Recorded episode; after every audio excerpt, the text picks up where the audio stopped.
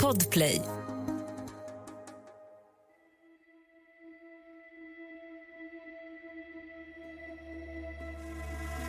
Hösten 2020 skrev jag ett manus till podden Olösta mord med Dan Hörning.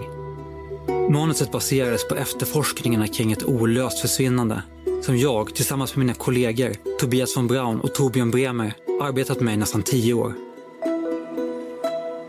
Podden var tänkt att bli slutpunkten för vårt arbete, men så skulle det inte bli. Det var bara början. När avsnitten publicerades under våren 2021 så började nämligen nya tips komma in. Uppgifter som av olika anledningar aldrig nått fram till polisens öron. Jag har ju hört den här historien ibland under min uppväxt. Men jag har, jag har liksom sett på det som en skröna, eh, hörsägen, rykte.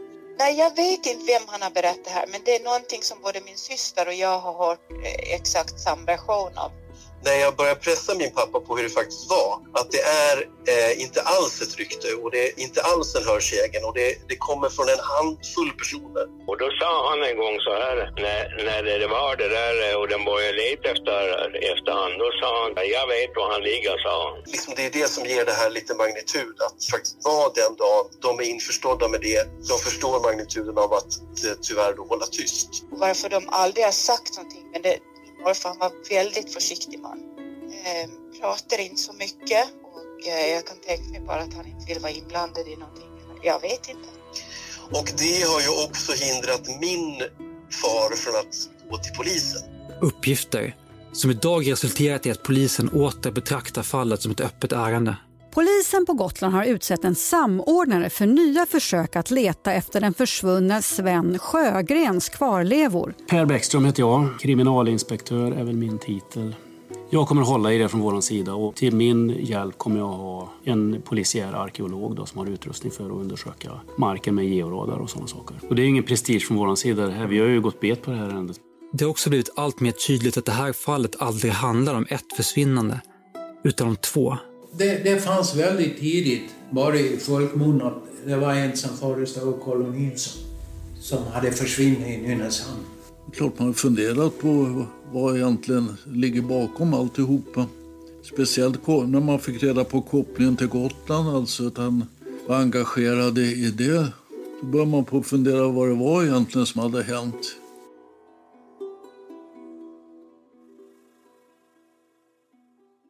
Jag heter Urban Järdek. Och jag heter Tobias von Braun. Det här är Kalla fall. En podcast där vi granskar okända och ouppklarade kriminalfall.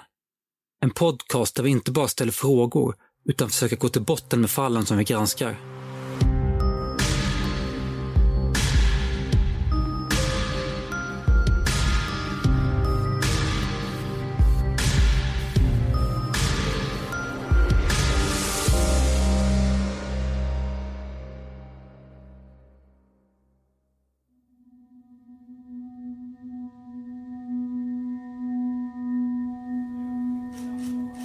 Klockan 13.43, onsdagen den 2 maj 1973, ringer telefonen på polisstationen i Nynäshamn.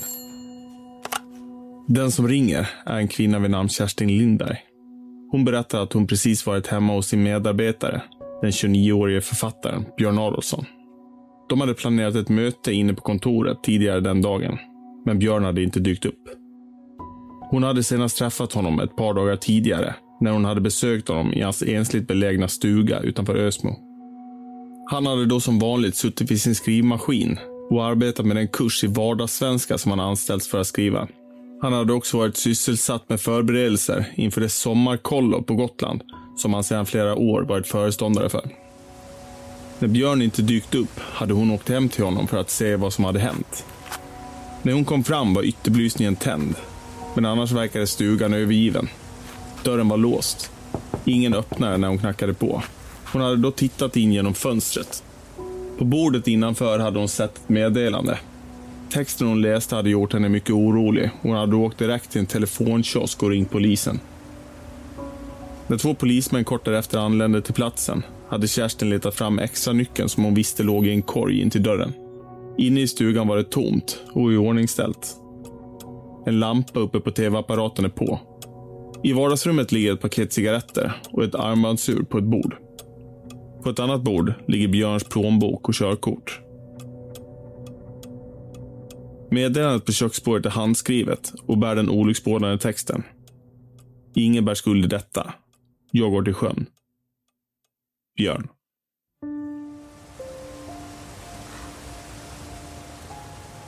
Polisen började därefter undersöka stugans omgivningar och kunde snabbt konstatera att Björns roddbåt nere vid stranden inte låg där den skulle.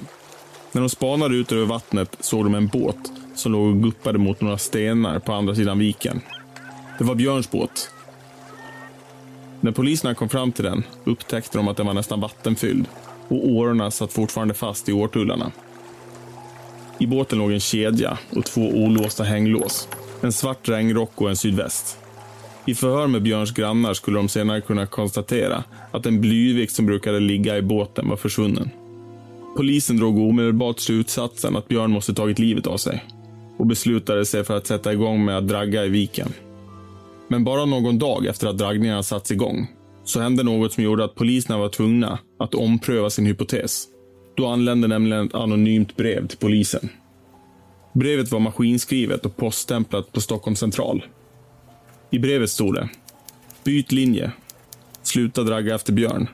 Ni har kommit alldeles snett. Lösningen är helt annorlunda. Lycka till. Att kryptiska meddelanden skickas till polisen är inte helt ovanligt. Det som får Nynäshamnspolisen att reagera är att Björn Adolfssons försvinnande i princip är helt okänt utanför en ytterst begränsad krets av människor. Eftersom polisen misstänkt självmord har inga tidningar skrivit om fallet. Polisen fortsatte ändå med drägningar, men letade även runt stugan och runt viken. Eftersökningarna var helt resultatlösa. Detta förvånade polisen. Den försvunna blyvikten vägde bara några kilo och skulle inte kunna hålla en kropp nedsänkt särskilt länge, speciellt inte i det vårvarma vattnet. Viken var smal och vältrafikerad, särskilt på försommaren. Fanns han i viken borde han ha hittats. Den anonyme brevskrivaren hade fått rätt, men man hade inga andra ledtrådar. Man hade förgäves undersökt det anonyma brevet för fingeravtryck och andra spår. Polisens skriftexperter hade även undersökt det handskrivna avskedsmeddelandet och konstaterat att detta med all sannolikhet var skrivet av Björn själv. De flesta inom polisen antog att det i alla fall rörde sig om ett självmord, men att man bara misslyckats med att hitta kroppen. Men det fanns ändå en gnagande känsla av tvivel. Om den anonyme brevskrivaren bara var någon galning, hur hade han eller hon kunnat veta att de inte skulle hitta kroppen i viken? Det skulle visa sig att den anonyme brevskrivaren inte gav sig. Fler brev skulle anlända till polisen. Brev som antydde att något större låg bakom Björns försvinnande. Att trådarna ledde tillbaka till den lilla socknen Lummelunda på nordvästra Gotland. Det var där Björns sommarkollo hade legat och det var där en annan person hade försvunnit ett halvår tidigare. Den personen var Sven Sjögren.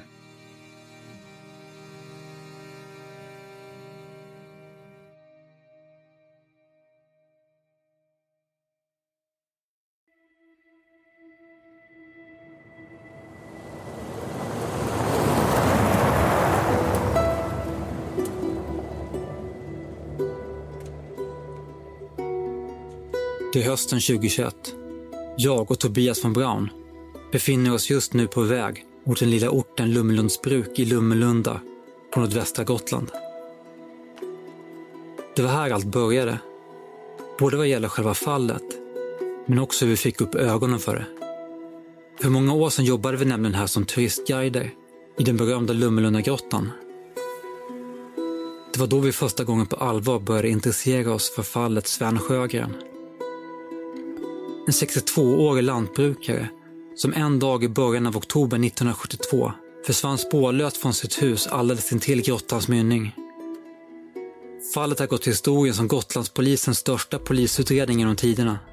Teorierna om vad som har hänt honom har varit många och makabra. En person pekade snabbt ut som den troliga gärningsmannen, men alla är inte överens. Vissa övertygade om att fler personer var inblandade i försvinnandet, men att de lyckades undgå polisens granskning. Vi har nu återvänt till Lummelunds bruk för att arrangera en middag för att samla in de pengar som krävs för att med hjälp av ny teknik söka lösa det snart 50 år gamla mysteriet. Men vi har också återvänt till Lummelunds bruk för att intervjua de som var med när det faktiskt hände. På så vis vill vi en gång för alla berätta historien om ett av Sveriges märkligaste kriminalfall genom tiderna.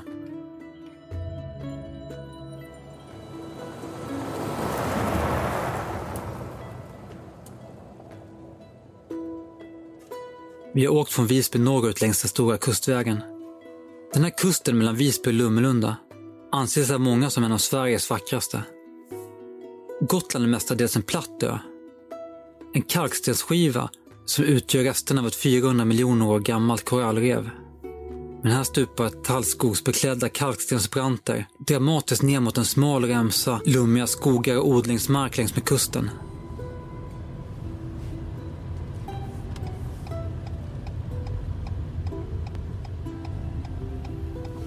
Vi svänger av vid vägskylten Lummelunds bruk. Vi åker ner för en brant backe och kommer efterhand ner till en stor gårdsplan omgiven av vitputsade ladugårdar. Numera ombyggda till kaféer och restauranger. Här finns också biljettförsäljningen och ingången till den berömda Lummelundagrottan. I den bortre änden av gårdsplanen tornar en stor vit stenbyggnad upp sig. Ett av Gotlands pampigaste boningshus. Det är den gamla bruksherrgården, byggd i början av 1800-talet. Jag tänker att vi kör... Eh, kör mellan. Ja, precis. Vi kör över bron där. Gäller ej behörig trafik. Men vi, Vi är, vi är behöriga. vi kör ju då mellan klinten och... Vi passerar bakom herrgården på en smal väg mellan huset och den branta klinten. Vi hör nu bruset från forsen. I berget öppnar sig en låg och bred grottmynning ur vilken vattnet forsar. Det här är Lummelundagrottans naturliga mynning. Vi passerar den lilla bron över vattnet. Till vänster har vi en stuga där brukets mjölnare en gång bodde. Lite längre fram längs vägen står ett stort rött trähus. Det är renoverat och nymålat. Men vi känner ändå igen huset från de gamla svartvita bilderna i polisens undersökningsprotokoll. Det här är Sven Sjögrens hus. Men just nu håller huset på att byta ägare och står lika tomt och öde som den gång Sven försvann. Bortom Sven Sjögrens hus, där en gång hans lada låg, ligger idag en nybyggd villa där en av de två personer som bott längst på platsen idag bor, nämligen Gunnar Rudin. Han och hans bror Hans-Olof, som bor vid stranden ett par hundra meter härifrån, är uppvuxna på platsen. Det är dem vi har kommit för att besöka. Hej, vi har en valp med så mycket Aha. energi. Alltså, gud vad härligt. Hej Jag har lite magont. Trevligt att ses. Ja, det är sant. Tack, tack för senast. Ja, men det är väl vi som ska tacka. Det är Hans-Olofs fru Hanne som öppnar. När vi för många år sedan jobbade som guider i grottan så var det hon som var vår chef.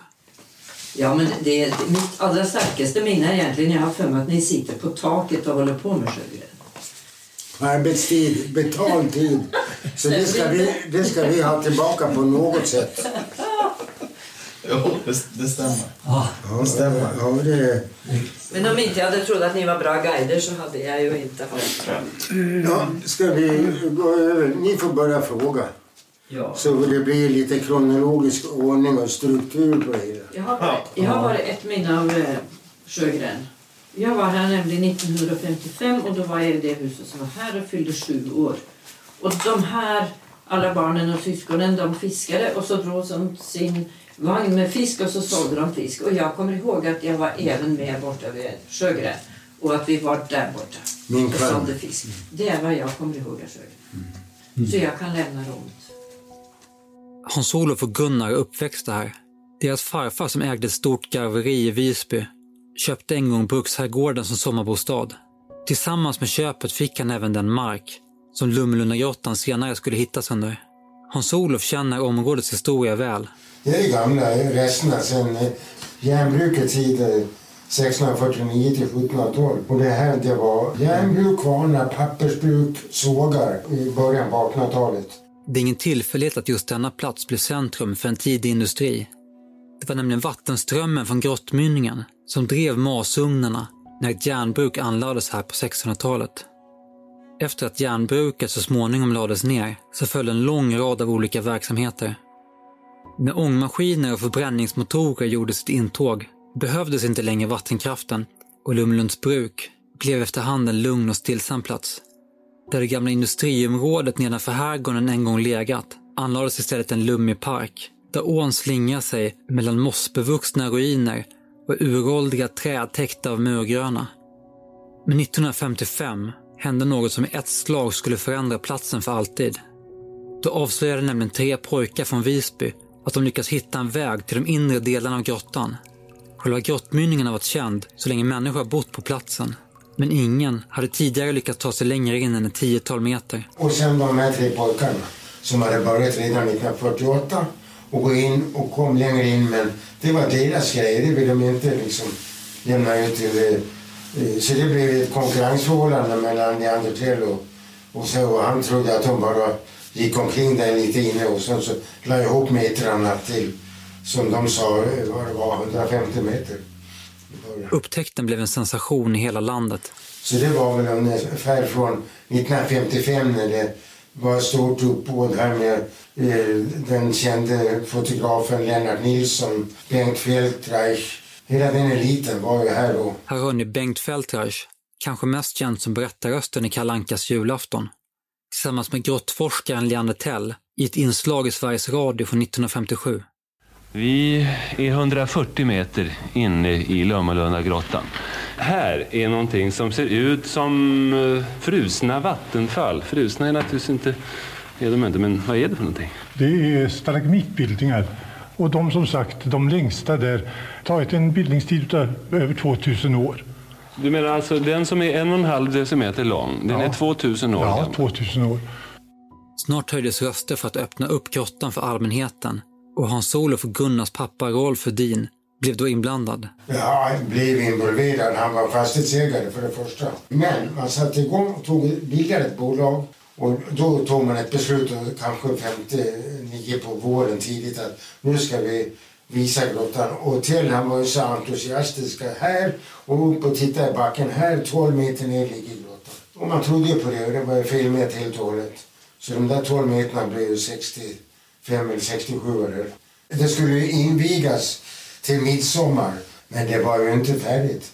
Det blev inte färdigt utan gick ända till eh, någon gång cirka 10 augusti så var det med Elon. Men det var, det var premiär eh, hösten 1959. Tjockt med folk.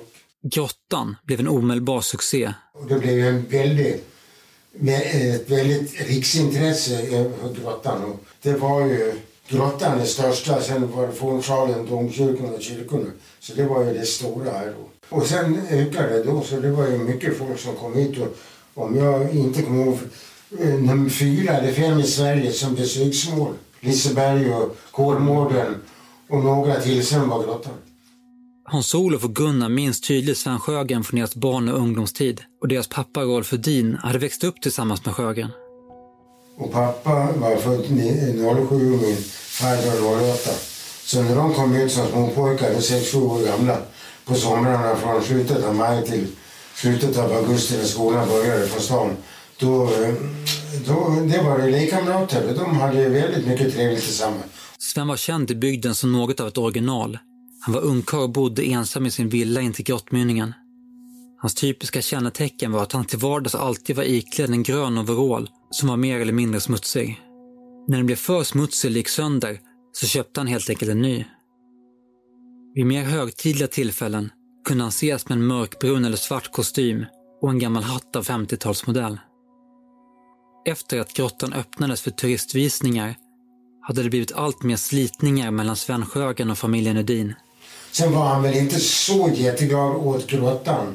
Inte grottan i sig, men eh, turismen som blev som gjorde det svårt för honom att eh, eh, komma fram med maskiner och annat. Och det var ju, ibland gick det på tre hjul och det, det var ju mer och mer, ja, mer och mer misär.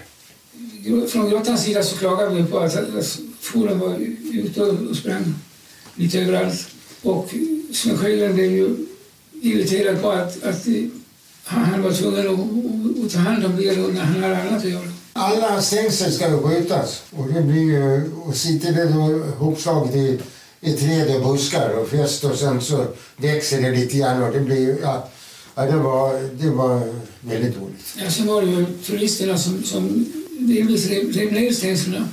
När de Mm. försökte kliva över så, så föll, föll stängs- stängslen delvis ner. Men det var inte bara familjen Udin som Sjögren kom ihop sig med. Hans förhållande till myndigheter var inte heller det bästa. Och sen hade han ju myndigheter och slakteriet och lantmän och allt sånt där. Det var ju, han tyckte inte om det. Så mot slutet då var det ju Johannes Hovel i Enskede slakteri som tog hand om de här lammungarna som borde ha vägt mellan 15 och 20 kilo. Vägde 8, 10, 11, 12. Och efter ett flertal anmälningar och skriverier i tidningarna om lamm som hittades döda i hagarna runt Lummelunds bruk så blev Sjögren till slut belagd med djurförbud. Ja, det var... Ja, djur, djuren led, djuren led ju. Men han kunde inte ta sig till att slakta dem. Men, men det är ju typiskt när det händer varje år att det är någon som... Och då är det psykiskt att den bonden inte hinner med. Och till slut går det så långt att då är det någon granne som vill ömma för djuren. Och så att det blir så. Och det är, ja, det är jättekänsligt. Hans-Olof minns än idag sista gången han såg Sven Sjögren. Sista gången jag såg Sven Sjögren, det var första söndagen i oktober 1972. Och jag hjälper våra hyresgäster i stora huset att ställa in tv-antennen på taket så att de fick lite bättre bilder. Och då vet jag, jag hör Sven Sjögrens traktor komma ner. Då står ena hyresgästen inne och tittar på TV, eh, TVn och den andra får signaler ut och sen så var det, de stod på östra sidan mot berget och gav tecken till mig att du ska vrida så och så. Nu var det bra ungefär. Då kör Sven förbi utanför jag och hon Skallson var inne och tittade på TV och hon hälsade och nickade såg jag. Så jag såg egentligen de där eh, jordbruks, eh, traktorvagn och grejer. Det var, Sven. det var sista gången jag hade livstecken från honom. Men sen går det eh, resten av veckan, måndagen tror jag det är, som eh, eh Gunnar Larsson kör dubbla släp Eh, med sockerbete till eh, Roma och kör eh, 149 Och jag kör in till stan och jag får se då nere vid stenkrogen att det ligger sockerbetor på vägen och det är farligt att köra på sådana. Så jag kör om honom och stannar honom. Du, tappar sockerbetor. Ja, ja, det är för jäkligt. Du, har, har du hört någonting om, om Sven? Sven är borta. Då börjar det rulla upp. Gunnar Larsson var en av de som kände Sven Sjögren bäst. Hans söner Stig och Inge Larsson minns också Sjögren väl. Ja, jag har känt till honom sedan jag var barnsben. Jag minns honom från femårsåldern. Han var inte kanske vän till farsan, men han var väldigt nära bekant. Så var det något problem och så där så kom han oftast och frågade lite om råd. Och sen under uppväxten så såg man ju han nästan dagligen. Ja, vi bodde uppe på kanalen. Så där hade han sina myrmarker, så han körde ofta förbi oss. Farsan han han var ju nästan jämngamla så man hörde rätt många historier om Sven och sådär. Som, det finns nog ingen mer levande idag som kan så mycket om Sven som vi gör om man ska vara ärlig tror jag. Eftersom vi Nej, det- bodde här och han passerade här, hade åkrar ute jämt och sådär. Så att... Eh, Stig minns Sven som en mycket fridsam människa. Han var väldigt försynt och försiktig. Motsatsen, motsatsen till framfuset. Det var han. Men han var väldigt snäll. Men Stig minns också att relationerna till grannarna, särskilt familjen Udin, inte alltid var den bästa. Jag tror det var rätt lugnt fram till de öppnade grottan då, 58. Sen- Sen blev han galen när de höll på det. Källan till konflikten var Sjögrens lamm. Hans lamm gick runt här vid alla trädgårdar. De gillade att blomma. Så stängde inte de grindarna klokt någonstans. Då var de ju inne och tog varenda blomma. Så länge då försäkringen, svensk försäkring täckte det där, då var det ju rätt lugnt när folk fick betalt för sin blomma. Men sen sa ju försäkringsbolaget upp försäkringen och då tyckte inte folk det var så roligt längre. Men han var ju ingen som kunde kriga mot myndigheterna. Så han känns ju väldigt utsatt av myndigheterna. Det ledde till att han fick grannarna emot sig. Ja, det var namnlistor. Ja, det var florerade namnlistor där. Det var någon som drev på det projektet. När Sven till slut fick djurförbud så blev det ett hårt slag mot hans ekonomi. Det var ju sista inkomstkällan med. Och det där var nog hårt det. Efter det då gick det ju ner utför. Det hände ju 70 det här djurförbudet. Svens ekonomi i övrigt var ingen vidare. Hans inkomster under livet var Nej, stora. Han hade åkrar ut, det var bedrövligt. Jag kommer ihåg ett år där det var inte så hemskt långt från honom försvann. Och han fick en jävla massa säckar med sed. Det var bara det att man gick in och så tog i säcken. Och du vet, det var molla alltihopa. Mollfröde väger ingenting så man kunde ta en säck med en hand och lyfta upp så här. Vet. Och då körde han in det där inne. Fan, han fick ju inget betalt för det där. Vet du. Det, det, han, han kunde ju inte få in pengar på någonting. Nej. Det, det, det. Och hur den var så han skulle ha lite bränsle till bilen och han skulle till traktorn och han skulle ha mat och el. Och, Sven hade hela sitt liv bort i barndomshemmet vid Lummelunds bruk. Jag tror hans pappa dog på 20-talet. Alla andra syskon hade väl flyttat ut så att han gick med mamma där. Han hade väl inte så lätt med det. Han gifte sig aldrig och fick inga barn. Efter mammans död flyttade hans stora syster tillbaka till gården och bodde där tills även hon gick bort 1962. Även om Sven levde fattigt så var han en rik man, i alla fall på pappret. Hans markområden runt Lummelunds bruk var nämligen mycket högt värderade. Men äh, det som var värde, det var ju läget där nere. För det förstod man väl egentligen då också för 50 år sedan att det var ett attraktivt, attraktivt område. Sven hade under många år gått i tankar att sälja av en del mark för att på så vis kunna trygga sin ekonomi och gå i pension.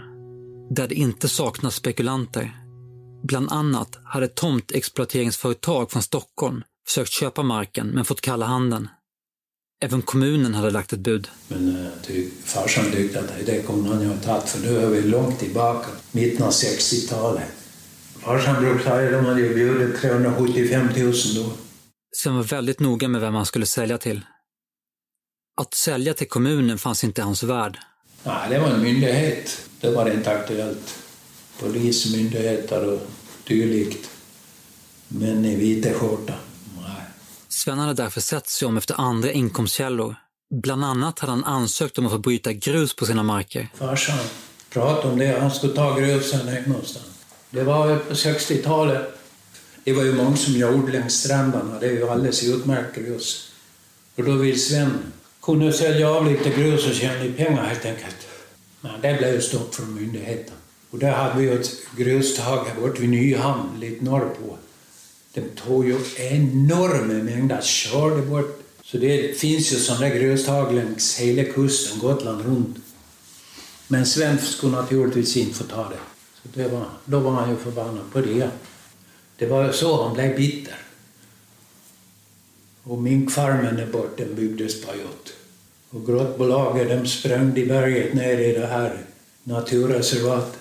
Det fick de tillstånd till. Men han fick aldrig avyttra något. Hade han fått igenom några där då, han levde ju billigt så då hade han ju klarat Sven kände sig inte bara förföljd av myndigheterna. Han var även övertygad om att både ägarna till grottan och ägaren till minkfarmen söder om bruket var ute efter att köpa hans mark. Inte heller till dem var han villig att sälja, under några som helst omständigheter. Han brukade säga att de var tillräckligt. Ja, kanske var något sorts avundsjuka att de fick göra vad de ville och han fick aldrig av myndigheterna. Då skulle inte han sälja heller. Svårt att säga. Han var nog ganska bestämd så, Sven. Första gången någon upptäckte att Sven var försvunnen var lördagen den 7 oktober. Stig minns att hans pappa hade bestämt träff med mjölnaren i kvarnen, Tore Pettersson. De hade beslutat att träffas för att göra vissa reparationer på den gamla trebron över forsen. Den hade nämligen blivit så ranglig att många inte längre vågade köra över den. Farsan var ju... Han var, han var ju... Han var med i styrelsen. styrelsen. Så de skulle betala en del av bron då, bara i och med att Kvarnbostaden låg på svensk sida. Så de tre skulle ju dela på kostnaden. För då hade de ju pratat med Sven om att de skulle ta det på lördagen den sjunde. De skulle reparera, byta ut några plankor och lite. Så de åkte ner dem Men eh, Sven han dök ju aldrig upp. Och han skulle ju införskaffa spik och lite smågrejer. Så då var de ju framme där och knackade på dörren och knackade på fönstren och tittade in och så. Inte ett liv efter Sven. Så de, de gjorde ingenting. De tänkte får vi ta en, en vecka senare. Sven måste ha glömt det eller någonting. Så mer än så blev det inte den lördagen. En annan person som kände Sven Sjögren väl var Ingvar Bolin. Han var polis och var med under utredningen av försvinnandet. Hallå? Ja, hejsan. Urban Gärdik heter jag. Hej! Hej, har jag kommit till Ingvar? Ingvar är idag tveksam till att gå närmare in på polisutredningen då hans hälsa sviktar och hans minnen från den tiden är fragmentariska. Men Sven Sjögren minns han tydligt och efter lite övertalning så går han med på att berätta om hans och Svens bekantskap. Och jag kan nog säga som så att det som har hänt honom, det sörjer jag faktiskt. Sven och jag var ju väldigt goda kamrater och jag arbetade hos honom och allt sånt. Det känns väldigt negativt att han fick gå det öde till mötes som han har gjort. Han var en mycket fin människa och det får du gärna ta med. Han hade så många mänskliga och fina egenskaper. Så.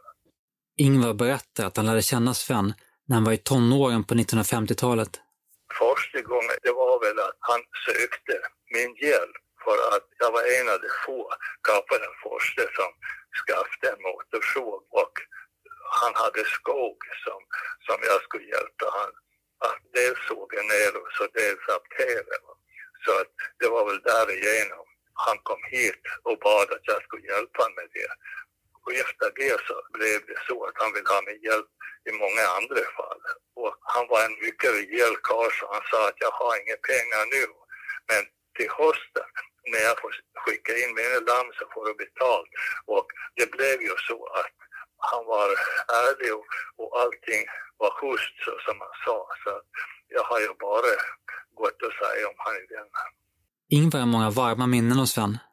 Bland annat när han ställde upp på att köra Ingvar och hans kompisar när de skulle ut på dans.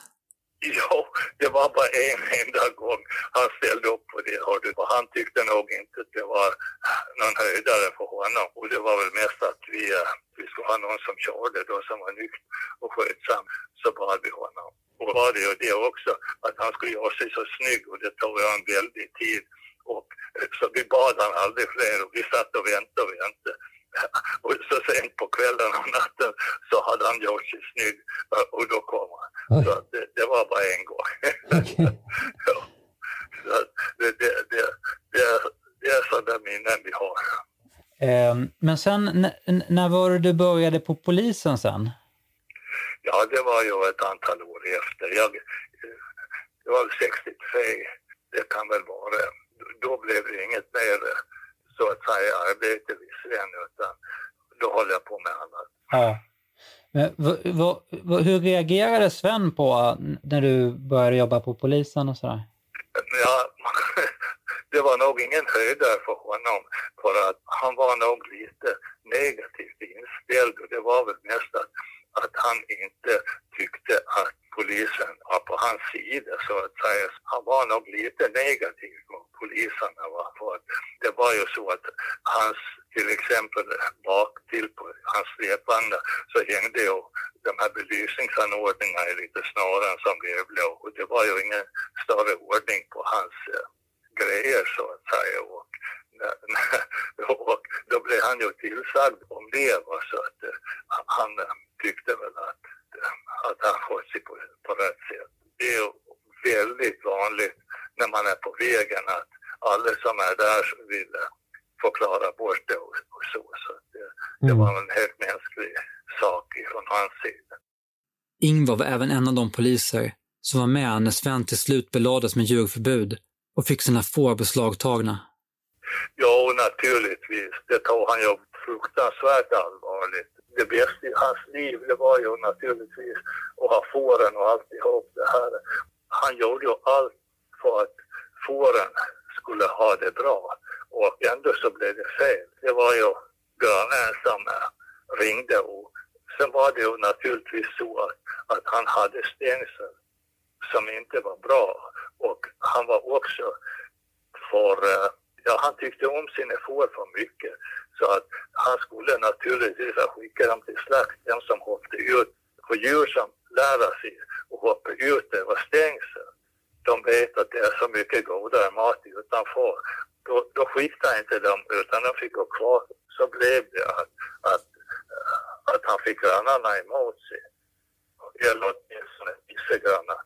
Och då var det inte lyckat för honom. Så, så då eh, blev det något beslut där på att han inte skulle få ha lamm längre? Polisen skulle ju aldrig ha gjort det beslutet om inte det var vissa grannar som höll på och så ringde. Och när vi då kontrollerade så var ju fåren utanför stängslet och, allt det här. Och, och sen var det väl möjligen så också att vissa kanske till och med ringde som, som såg att de gick ut på vägen. Och, eh, då var det ju inte trevligt för honom. Ingvar minns också att Sjögren talade mycket om att två av hans grannar var ute efter hans mark. Så de som var intresserade där, det var ju garvan. Sen hade vi ju den här andra minkfarmaren som tyckte väl att markerna låg bra till för honom. Så det var väl i stort sett bara två stycken var intresserade som bodde grannar där. Så. Garvan var Rolf Edin, Hans-Olof och Gunnars pappa. Ingvar spekulerar i att anmälningarna mot Sjögren skulle kunna ha berott på att man ville tvinga honom att sälja. Sen kan det naturligtvis vara så att de red sig på det naturligtvis. Och de kanske också ville, ville äga marken. Och, och kunde de ställa till någonting så att han inte mådde bra så, så, så kanske de trodde att, att, att han skulle sälja och göra sig av med det. Det vet man ju inte. Vilken granne var det som, som ville ha bort honom? Ja, det, det är närmaste grannen och det finns bara en. Var, var det de som ringde om det här med fåren och sådär också? Ja, det är självklart. Det, och vem det var som ringde, jag vet det, de kunde säga vilket namn som helst. Men det var bara det att Sven kände till vem det var som var, aggressiv mot honom. Men de var ju så smarta så att de talade väl inte om i klartext. Det här är en bild som inte alls delas av Hans-Olof och Gunnar Rudin. Men på vad sätt skulle det vara, på vad sätt skulle det varit uh, pappas fel? Att han skulle ha klagat till uh, länsveterinären? Nej, nej. Aldrig pappa skulle tjalla eller gå bakom ryggen. Aldrig. Det, det var inte min fars. Aldrig. Men helt ointresserad hade Rolf ändå inte varit. Har du aldrig snackat så? Jo, pappa var intresserad av um, marken. Han sa vi har låg med det vi har. Nej, men det var, det var marken närmast norr om, om vår, vår mark. För att? När, närmast, det var väl den som var från ån norröver till, till den här vägen som går ner till stranden. Ja, i så fall skulle det vara för att inte det skulle bli massa stugor och tomter. Om det fanns det, men... eh, Det var en sak till. 1971 när jag var hemma från, eh, jag jobbade i Malmö på den tiden. Men jag var hemma på, på semester på, på sommaren då, 71. Och eh, jag hade funderingar på att flytta hem hit. Och jag längtade hem helt enkelt. Och eh, då var jag eh, över till Sven och pratade med honom. Jag satt i vardagsrummet och, och pratade om, frågade om, om eh, jag om jag kunde köpa det, om det var till salu. Det enda som jag kommer ihåg han sa, men det blir dyrt det. Och så, jag, det var en kort stund jag var där, kanske en kvart eller något. Men var du intresserad av hela jordbruket? Det var väl Nej, jag- egentligen tomten och bostadsområdet? Jo, jo, Det var ju det. jo det var det. det. Var, det var men, vi, kom inte in på detaljerna då, men jag, jag var över och frågade. Och det kanske har uppfattats som ett intresse av att pappa ville köpa det, men, men det, det, var, det var jag som var, var in, lite intresserad av De här eh, ryktena, så här, vi vet ju, det var alltid öppna kort och diskussioner hemma hos oss. Är det några som ska veta det så är det Gunnar och jag. Så det var aldrig så Nej. aktuellt på något sätt. Intresset var inte så starkt. Inte. Eh, Det är konstigt att de vet mer än vad vi vet. Hans Solo vet egentligen inte varför Sven Sjögren var så bestämd med att han inte ville sälja någon mark till dem. Vi har hört uttrycket att de ska inte få köpa de har tillräckligt eller någonting sånt. Det är liksom ord som har kommit ut från eh, Sven till några som har dokumenterat det eller sagt det. Stig Larsson berättar att hans pappa Gunnar tidigt hade fått onda aningar när de knackat på Svens dörr och ingen hade öppnat. Den började ju faktiskt redan där på lördagen när de var här och knackat på. I och med att farsan visste att han höll på med affärer. Och så han var försvunnen. Sven hade under den gångna sommaren berättat för Gunnar Larsson om sina planer att försöka sälja en del mark. Bara ett par dagar efter det misslyckade brobygget så hade mjölnaren Tore hört av sig igen. Då ringde han till farsan direkt igen då. Nu går det en karl där nere som heter si och så och sköter djuren. Det gjorde jag alltid när Sven var iväg sen. Så det här är väldigt konstigt. Farsan var väldigt misstänksam direkt alltså. Det fanns även ytterligare en omständighet som gjorde grannarna oroliga. Kort efter Svens försvinnande hade det nämligen börjat mullra uppe vid Stora vägen. Träd fälldes och grävskopor hade skyfflat undan och barlagt klinten ovanför Svens gård. Snart syntes bandtraktorer och lastbilar med grus. Det var en väg som höll på att anläggas. Vägen sträckte sig från Stora vägen ner längs Svens tomtgräns och passerade bakom hans laggård. Kunde det verkligen få gå till så här? Vilka låg bakom det mystiska vägbygget? En granne hade gått fram och pratat med vägarbetarna. Mannen som ledde bygget förklarade att Sjögren i stort sett sålt av hela gården, utom bostadshuset. Det var den nya ägaren till marken som hade beställt vägen. Sjögren själv hade åkt till Stockholm för att betala av en skuld till ett företag nu när han hade pengar. Grannarna drog slutsatsen att Sven äntligen måste ha hittat en köpare som han kunde acceptera. Försäljningen innebar slutet på familjen Sjögrens mer än 60 år som markägare vid Lummelundsbruk. Ja, pappan han kom ju från Mjästaby. Han var militär. Och hans bror, de höll på med sån här exploatering. Man köpte gårdar, rev ner skogen och sålde gården igen. För det var ju då när klingsågarna kom till Gotland. Så det gick att exploatera skogarna med bra förtjänst. Det var brö, bröderna Graham från Skottland som kom hit med lokomobil och utrustning. Så då körde de runt och såg. Annars skulle det köras med sån här ramsågar. Det klarade kanske ett par stock om dagen. De där kunde ju såga tusen kanske. Så det blev väldigt fart på virkeshandeln. Så han tjänade lite pengar på det. var därför han hade råd att köpa det här hela Lummelunds bruk. Och mamman hon kom ifrån, jag tror det var Hamvar. Så då, de flyttade in där i, i herrgården på början av precis 1900-talet. Sen blev Sven född där 1910. Sen gick det väl lite sämre ekonomiskt för Svens far. Så att eh, de bestämde för att stycka sönder hela det här och sälja till Ödins, det här mellersta, herrgården och parken. Den som sålde var Sven Sjögrens far, Junkare Sjögren. Han var intresserad av gården. Det var ju de här åkrarna här norröver och en del av åkrarna söderöver plus då myrmark uppe i Martebomyr. Det var han intresserad av. Efter försäljningen byggdes en ny stor villa alldeles intill Lummelundagrottans naturliga mynning. Hans far byggde huset 1914 och huset byggdes av eh, fint virke. Det var sista sågningen på Nedre Kvarn. Osåg hette det. Den fabriken längst ner.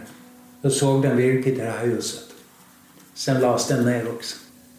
Det, måste ju ha varit ett litet steg neråt för familjen ändå. Lämna herrgården, det tror jag. Ja, och det man sågs väl som väldigt förmögen när han bodde här. Och hade väldigt högt anseende också. Ja, och det var en klassresa där för honom. Kanske därav svensk dialekt. Han pratade inte ren gotländska. Han bröt på lite stockholmska. Lite lätt. Det minns jag. Han hade ju fler syskon i Stockholm. Och en av systrarna bodde väl i Malmö då. Så han var säkert uppe i brorsan och syrran i Stockholm. Aletta bodde i Stockholm då. Han var där uppe och handlade på NK. Sådär. Det berättade han gärna att han, det var köpt på NK. Så det där var han väl inte så återhållsam med att tala om.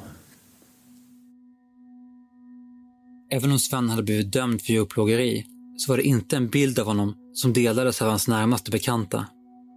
Bland dem var han snarare känd som en ovanligt stor djurvän Djurplågare och inte sköta dem, det är totalt fel. Ja, det, det minns jag min föräldrar pratade. För det blev han med beskylld i den där artikeln. För det urklippet, det, det var, hade mamma lämnat efter sig som jag hittade efter hennes död. Där. Det, det har de nog diskuterat mycket, att det inte stämde. Kanske var han snarare mer fäst vid sina djur än man som bonde borde vara. Då skulle han nu köra till Stockholm till Enskede slakteri. Då har han ju kommit ihop sig med Visby slakteriet. Han hade väl fått för dåligt betalt förmodligen. Så då bad han några grabbar uppe i Lumelunda och hjälpa honom att lasta lammen ute. Så hade han tagit in dem i, eh, i ladugården där.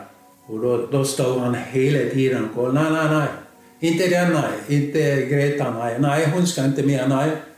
Och då, det var ett jädra krångel in och ut med lammen. Så han skulle ha 20 stycken med sig den gången. Men till slut då kom systern och lättade ut och sa till grabbarna. Nej, last nu 20. Du går in och dricker kaffe, Sven. Gå in med dig så vi får det där lastet någon gång. Så de bara tog rakt av och kastade på 20 stycken. Ja, hos favoritlammen den fick nog gå till dem själv låg de. Därav kanske döda lamm. Sven drack heller aldrig. Möjligen kunde han vid mer festliga tillfällen ses som ett litet glas öl eller vin, men aldrig sprit. Svens drycker var istället läsk och framförallt mjölk. Det var inte ovanligt att han kunde dricka ur en 10 liters kagga med mjölk på bara några dagar. Även om Sven var känd som en väldigt snäll människa så var han också stark.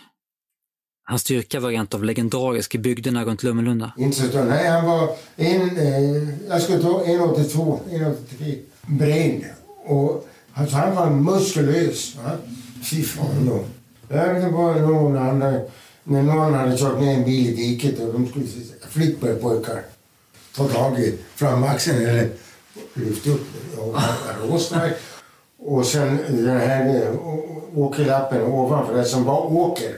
Den ville pappa ha lite ordentligt så den, den ehm, harvades väl Sven med eh, traktor och ena välte. Och, och det, det var någon, jag tror han var skyldig pappa lite, lite pengar. Eller, det var en tjänst han gjorde. Och då minns jag, då stod Gunnar bredvid där och, och traktorn eh, och kopplade band.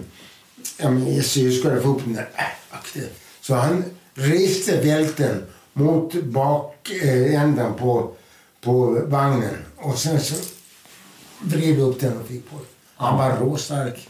Det var han alltså. Han var jättestark. Hans-Olof minns också Svens mer empatiska sidor. Ja, som Hanne nämnde innan det här var på, så vi fiskade så mycket vi kunde när vädret tillät. Och det blev ju mycket flundror och vi vilkade torsk och, och det gavs bort till bekanta familjemedlemmar i stan. Och resten, den större mängden, drog vi på cykelkärra bort till minkfarmen och så lite för 10 kilo. Eh, och sen flundror som vi tyckte var lite mer ädelfisk än torsk den tiden. Och eh, då åkte vi omkring och, och vi sålde till andra först då när vi kom till Sjögren. Hans systrar var kvar då. Ja, då tog de ju resten. Och de där flundrorna som har legat, eh, man slog inte ihjäl flundror utan en gång där och sprattlade lite grann och låg på varandra så de höll lite frukt längst ner så när de då tog resten då tog Sven ett annat spann la dem där gick ner i, i Sjögrensvik och släppte i dem. Och hade de betalat dem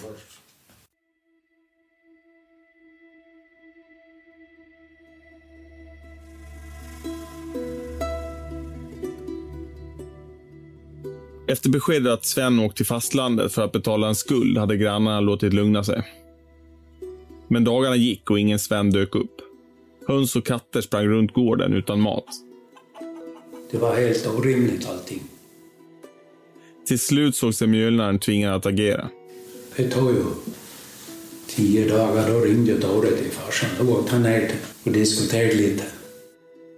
Gunnar och Tore beslutade sig för att ta kontakt med Svens släktingar på ön. Släktingen hade i sin tur kontaktat Svens bror Nils i Stockholm för att höra om han visste något. Det gjorde han inte. Därefter slog släktingarna larm och kontaktade polisen. Sen var det igång. De skulle ha ringt tidigare till polisen. Men de tänkte, han sa det så säkert att han är bara iväg. De ville ändå tro då att han kanske har gjort det. Men de Ja. tyckte det var hemskt. I och med att han inte hade sagt någonting. För han sa alltid till Tore eller den grannen att när han skulle iväg. Men då ryckte det full speed alltså. Där gick telefonen varmen. För då, då var ju, vägen var ju gjord där, för han var ju igång på måndagen allt med vägen. Det, var också en särskild detalj som hade fått grannarna att reagera. De hade nämligen upptäckt att i samband med vägbygget hade Svens dass rivits. och det var det farsan reagerade så hemskt. Men fan, han kan inte komma hem. Det var som att de som byggt vägen visste att han inte skulle komma hem igen. Det, det fanns inget, det var därför det blev sån jävla snack. Det räckte att han är mördad. För han kan komma hem utan sitt dass. Det fanns också en annan anledning till varför Gunnar haft en dålig känsla ända sedan den dagen då Sven inte dök upp vid brobygget. Han visste nämligen redan om vem det var som köpt Svens mark. Köparen var en av de personer som Sven så många gånger hade svurit att han aldrig någonsin skulle sälja någon mark till. Köparen var direktören för minkfarmen i Salthamn.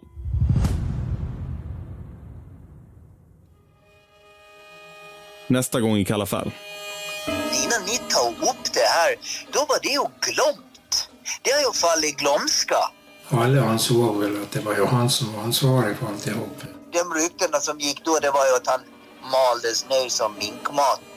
Han kom varenda morgon. Varenda morgon, varenda morgon. Och då sa jag så här till min gubbe så här. Att jag bara han inte tänka göra någonting med Sjögren, sa jag. Jag har ju inte sett det själv, men det är ju så med de här markaffärerna och hela det här.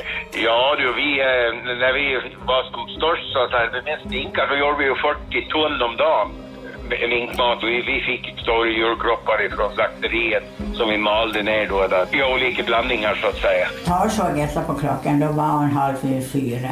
Då slog det i en bil i en brån där.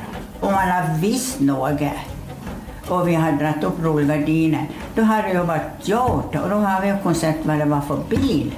Men inte tänkte man väl på sånt. Men i folkmun så, så var han mördaren redan där alltså. Dagar efter.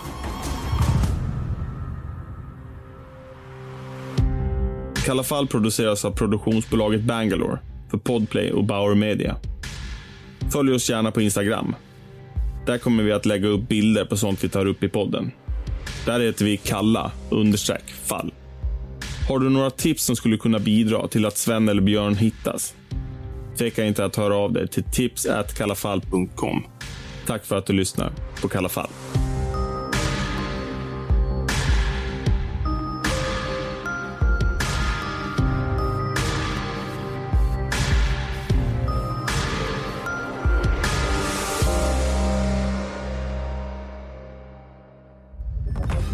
Podplay, en del av